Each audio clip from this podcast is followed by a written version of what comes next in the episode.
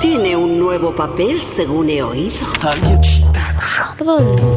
¿Alguien más? Acabo de volver de la India. Tuve una disentería fantástica. ¿Y tú qué cura estás haciendo?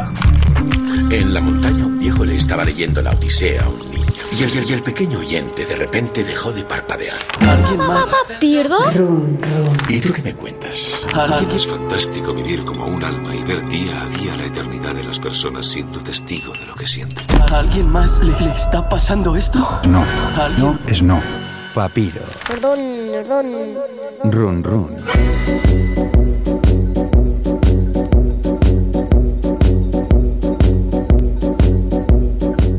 Inco Martín, cuéntanos de qué va el papiro run run de hoy. ¿De qué va? Pues mira, molan los cencerritos porque va con el tema un poco. Ah, qué Eh, bien. Sí, porque va de valles. Ah, de Valles. muy sí, bien. de valles. Eh, ¿Tú qué valles así famosos conoces o te vienen a la Vamos, mente en pues este el momento? Valle del Oira, por ejemplo. Por El- ejemplo. El, Valle del Rift, ¿También es valle? claro. Sí. eh, vale, vamos a pegar un salto. O sea, opa ahí. A los USA. Ah, USA, hombre. en los pero- USA, valles que conozcas de los USA. Hombre, el de Yosemite, ¿no? Mm. El, el Valle de la Muerte. Eh, pues andas muy caliente, caliente, porque estás muy cerca. Vaya, vaya, vaya. O sea que California. Es California, California, más valle. Esta es la gran pista. A más ver. tecnología igual a. California más Valle más tecnología igual a. ¡Ah! Silicon Valley. Toma. ¡Toma! Muy bien, Toma, muy vaya, vaya, bien. vaya. Sí, Silicon Valley es al final. Eh, sí, que es la meca, pues la meca de los emporios de la tecnología, como sabemos, ¿no? Una especie de micromundo situado en el extremo sur de la bahía de San Francisco. Ajá. y en el que entre la utopía y la distopía, pues los gurús de la tecnología llevan años y años trabajando sin descanso para cambiar nuestro mundito de pies a cabeza, Ya. completamente. Completamente, pero eh, a mejor. ¿O a peor? Ya. Buena pregunta. Ya. Sí, cada uno que saque sus propias conclusiones Ok. respecto a esto. Lo que sí que está súper claro es que para mucha gente ese lugar es como, como el dorado. Igual que el dorado. Un lugar perfecto para, pues eso, para que los jóvenes y entusiastas emprendedores de la tecnología pues se abran camino en la innovación y de ahí pasar, ¿por qué no?, a la riqueza y al poder Mm, goloso. mira, antes que hablábamos de Wensters y tal. O sea, eh, tierra de oportunidades, Inco. Eso es, pero oportunidades que en vez de aparecer en forma de oro, pues florecen esta vez en forma de qué? Startups. Oh, oh, las oh. startups. Eh, Oh, la revolución de las startups. Eso es, sí, sí, esas empresas que partiendo de cero desarrollan productos o servicios tecnológicos supuestamente requeridos por el mercado, o sea, tú, yo y todos los demás, Ajá. aunque en realidad puede que, yo creo, que se dedican a diseñar productos que podríamos querer más que necesitar, y de ahí a hacer que los queramos, a hacer que los necesitemos, sí o sí. Ya, ya, Me he ya. explicado, ¿no? Sí, Mm, yo creo que un bastante poco bien. enrevesado, pero bien, ¿no? No, pero bueno, yo creo que sí te has explicado. Es decir, aplicaciones de todo tipo con muchos colorinchis. Colorinchi. Eso es, para alegrar y hacer, bueno, pues eh, supuestamente la vida más sencilla siempre según su discurso. Sí, sí, sí, según su discurso, eso, es- eso mismo. Sí, puedes eh, desde alquilar tu garaje hasta pedir comida, eh, puedes también, pues, para que te cuiden el hurón que tienes en casa. Eh, tú tienes nutrias, pero bueno, hurón también vale. Eh, para acumular cupones de descuento en blanqueamiento de piños, para ligar con lo que más te apetezca ese día o para todo lo que imaginemos. Hombre, Más. de ahí, de ahí salió, por ejemplo, entre otras muchas, Airbnb, ¿no? Airbnb. Por ejemplo, y esa, ¿sabes qué? Se convirtió en unicornio, tú. Ah. Sí, sí, es como se llaman a las startups que, que triunfan. Pobres algo que- unicornios. Eh, sí, no sé, pues sí, el unicornio, la historia del unicornio es que es muy curiosa. Sí, que por cierto, pocas startups consiguen éxito, ¿eh? hay que decirlo. Vale, Parece vale. que todas, no todas. Claro, a- a- así que no todo lo que Es un reluce... poco mito como el unicornio. Claro, exactamente, exactamente. Que- Quería decir que, que no todo lo que reluce, ¿no? En este supuesto Edén tecnológico es oro. Eh, no, al igual que, que el Valle de la Muerte tiene sus serpientes de cascabela y... Y su calor asfixiante, pues Silicon Valley tiene su lado oscuro. Y para que lo descubramos, una joven escritora de Brooklyn llamada Anna Wiener ha escrito un relato sobre su experiencia en el mundo de las startups que se titula Valle Inquietante. Toma ya. Y sí, eh, todo un super éxito en los USA que nos trae la editorial Libros del Asteroide. Vale, oye. Ujú. ¿Y cómo llega la autora a ese valle inquietante, a la meca de la tecnología? Pues viajando, tal y como lo vamos a hacer nosotros.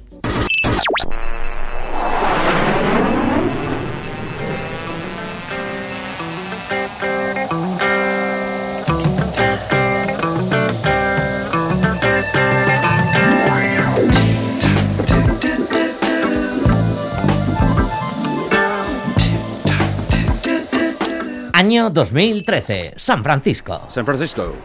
Eh, pues bueno, una ciudad siempre relacionada con la libertad, el arte, la música, con la vida alternativa, movimientos contraculturales, desenfreno, alucinógenos, poliamor. ¿Qué más cosas se nos ocurren de San Francisco? Mm, muchas a- a más. ¿no? mogollón. Pero no las vamos a decir, ya hemos dicho muchas. Ok. Pero que según llegó la industria del futuro, la tecnología, y se asentó allí, pues cambió por completo la ciudad. Desde los, prece- desde los precios de la vivienda hasta la extinción de, de toda la vida cultural y alternativa, fuera salas de conciertos y demás. ñampa zampa, el tecnocapitalismo se la comió. Total, o te dedicas a algo relacionado con la tecnología o lo tienes bastante chungo para vivir en San Francisco. ¿Y cómo llegó Ana Wiener a- hasta San Francisco? Pues mira, la buena de Ana, de primeras, se trabajaba en Nueva York dentro de una editorial literaria, literaria en un puesto bastante precario. Y en el 2013, con 25 añitos, pues cansada de su curro y cuando el tema Silicon Valley dejaba de tener apariencia de reducto de frikis y se veía que encima movía mucha pasta, pues nada, se dejó llevar por los tecnocantos de Sirena y se mudó... sí, claro, tecno, es, es lo moderno. Claro, Sí, sí, todo sí. evoluciona, los cantos de Sirena también, ahora es Vale. un tecno. Me ha gustado. Y y eso, y le, pues le llegaron los tecnocantos de Sirena y dijo a San Francisco que me voy a labrarme una vida nueva, oye. Claro, cual Claro. jovenzuela dispuesta a jamarse el mundo. A topete. Eh, sí, eh, aunque también tenía duditas, ¿eh? Ya. Tenía duditas, porque claro, en el círculo que se movía allí todo el rollito literario y así, pues eh, siempre como que te habían tenido recelos, ¿no? Hacia el mundo tecnológico. Ya. De todas formas, Ana cogió el Makuto y dijo, a la aventura. A la aventura eh, en una startup. Eh, claro, cómo no. Sí, sí, sí, el mejor camino para alcanzar el nuevo sueño americano. Y lo primero que hizo fue una entrevista de trabajo con los socios fundadores de una de estas empresas emergentes. A ver, unos frikis de cuidado, ¿no? Eh, sí, eh, lo mismo que pensó Ana. La entrevista era con una startup de libros digitales fundada por tres jovenzuelos y pensó eso, que se encontraría con tres frikis de la tecnología. Hmm. Pero no, llegó allí y eran tres chavalitos que tenían muy claros sus objetivos, a los que les sobraba la ambición y que manejaban buenas cantidades de pasta gracias a qué? A las aceleradoras de las startups. Aceleradoras, así les llaman. Así les llaman, inversores de capital de riesgo. ¿Qué es, que, qué es lo que hacen? Pues que inflan de pasta a las startups y te dicen, haz lo que quieras, bonito, experimenta. Y a cambio me voy a quedar con un pequeño porcentaje de tu empresa que quién sabe, igual se convierte en una mina de oro. Ya, negocio crudo y duro. Así bueno, de claro. Mm. pe- pero volviendo a la, a la historia que, que nos apasiona, la de Ana, ¿qué pasa? ¿Le pillan en esa startup? Eh, sí, le contratan de prueba por tres meses y así poquito a poco pues va conociendo un poco los mecanismos de aquel mundo, unos mecanismos basados en un ritmo de trabajo vertiginoso, optimización a saco y desmedida amplitud de miras. A ver, a ver, espera, espera, espera, espera, espera un momento, eh, espera, Espero. echa, echa el freno, pero ¿qué pasa? Eh, eh, eh, urra. Eso casi caballo. Ya, eh, pero eh, Ana no tenía, ¿no? Conocimientos informáticos, o sea, quiero decir, así no sería fla- eh, nada fácil entrar en una startup. Sí, ella venía del mundo de las letras, algo Claro. radicalmente opuesto, pero rápidamente entiende que allí los títulos sí que importan, pero Ah. no mucho, no mucho. Allí la ambición y las ganas son más importantes. Y descubre que el truco está en empezar de cero tu trabajo y convertirlo en algo indispensable para la empresa, aunque estructuralmente sea innecesario. Vale, o sea, O sea, empezar de cero, ambición, tú te inventas algo ya, y ya, que se haga necesario. ya, ambición y decisión, caiga quien caiga. a tope, súper volcada. Buah. Eso es, mecanismos que chocan totalmente con su anterior vida y pese que, a que, pues tras superar las dudas y dilemas morales, empieza como que a desenvolver- desenvolverse en el medio, pues al acabar la prueba, ay, no la renuevan. Vaya, fracaso, Sí, ya. pero también éxito, también es un pequeño paso, porque ya, a partir de ahí, uno de los dueños le pasa el contacto de un futuro unicornio. Mole, o sea, una startup que va camino de triunfar. Exacto, una startup de eh, una cosa que igual te suena, análisis de datos, big data. Oh, Big Data, oye. Sí, un sector que en esa época, pues nada, empezaba a despegar ahí, te- te- te, poquito a poco, y que como hemos podido comprobar y vivir incluso, pues despegó hasta llegar muy alto.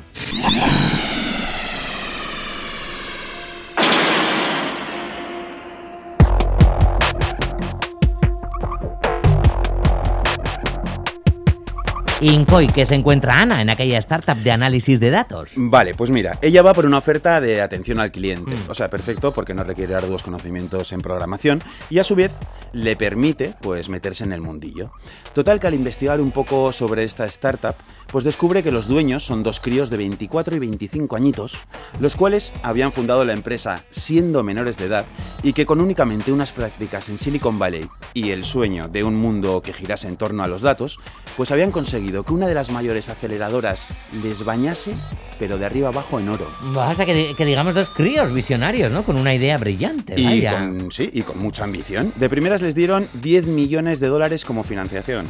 Y a que no sabes qué dijeron, en qué se lo iban a gastar. ¿Qué dijeron? Hombre, pues siendo tan chavalines, yo que sé, en cualquier locura, Ferraris, mansiones, chalés. Ah, Oh, no lo tengo. Caviar con risquetos. Buah, eso sería la leche. Eh. Eso, buah, eso es muy cool. Sí, sí, pero no. ¿Ah? Lo primero que hicieron fue decir que iban a pagar a sus 100 primeros empleados súper por encima de los precios del mercado. Y además a malcriar a los que ya tenían contratados. Bueno, ¿y eso? Estrategias de Silicon Valley, amigo. Dicen que los primeros 100 primeros trabajadores de una startup son los que marcan el futuro éxito de la empresa. Así que lo ideal es atraer a los mejores a base de, pues eso, a golpe de talonario. ¿Y, y Ana? ¿Ana estaba, estaba ahí? ¿Estaba entre ellos? Ah, Yes, estaba entre ellos. Vale, oye, ¿y ¿cómo fue el aterrizaje de Ana allí? Pues algo completamente diferente a lo que esperaba dada la pasta que manejaban los chavalitos. De primeras, aunque las oficinas eran enormes, así como 200 metros cuadrados diáfanos, sin apenas muebles, pues la empresa era minúscula, solo tenía 15 currantes por aquel entonces. Y estaban todos apiñados en una esquinita frente a sus pantallitas y con todo tipo de cacharrería frica alrededor, macetas con cactus, figuritas de anime, mogollón de bebidas energéticas que se lleva mucho, Vale, ¿y el, y el resto de empleadas, empleados, los trabajadores y trabajadoras, qué onda? Eh, pues qué onda, pues mira, de primera solo había tres chicas, o sea, imagínate. Guau. Eh, sí, poquito. Eh, nadie superaba los 30 y todos vestían en plan vaqueros, deportivas y, muy importante, sudaderas holgadas con el logo de la empresa.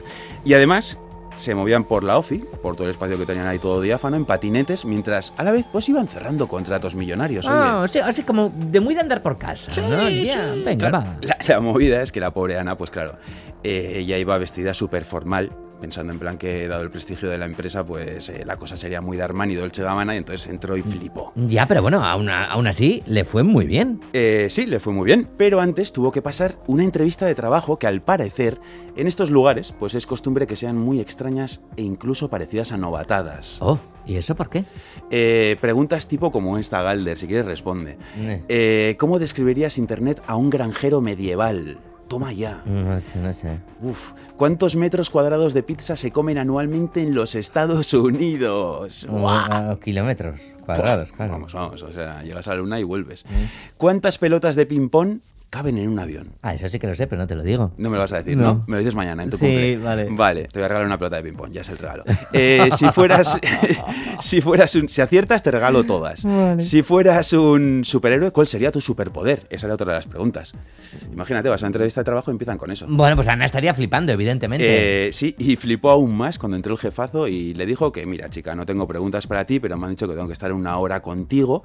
Así que le comenzó a contar que su novia quería entrar en Derecho y que le estaba ayudando con el examen de acceso. Entonces, ¿qué hizo? Sacó una parte del examen y le dijo, Ana, hazlo. ¿Y lo hizo? Lo hizo, por supuesto que lo hizo, y además es que sacó un 10.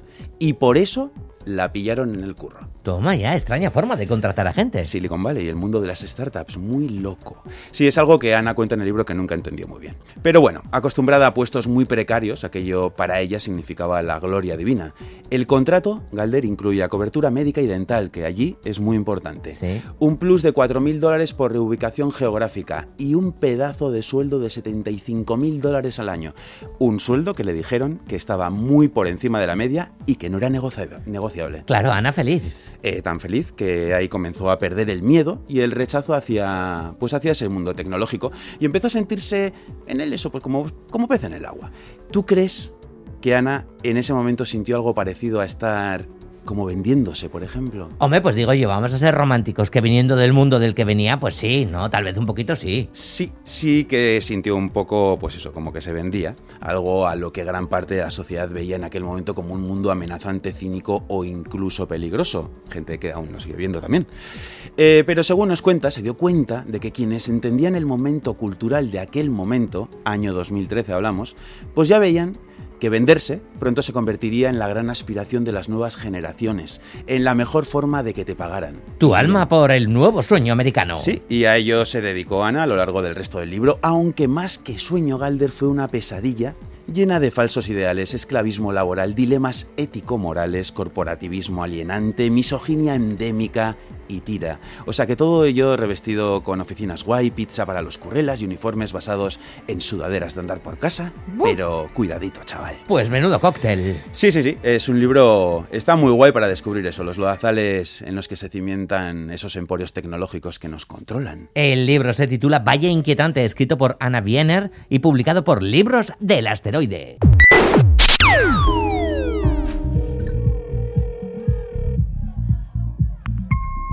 Y'all should have called me to work on the album earlier, man. We could have been making some great. Adios. Channel Trace. Let's go.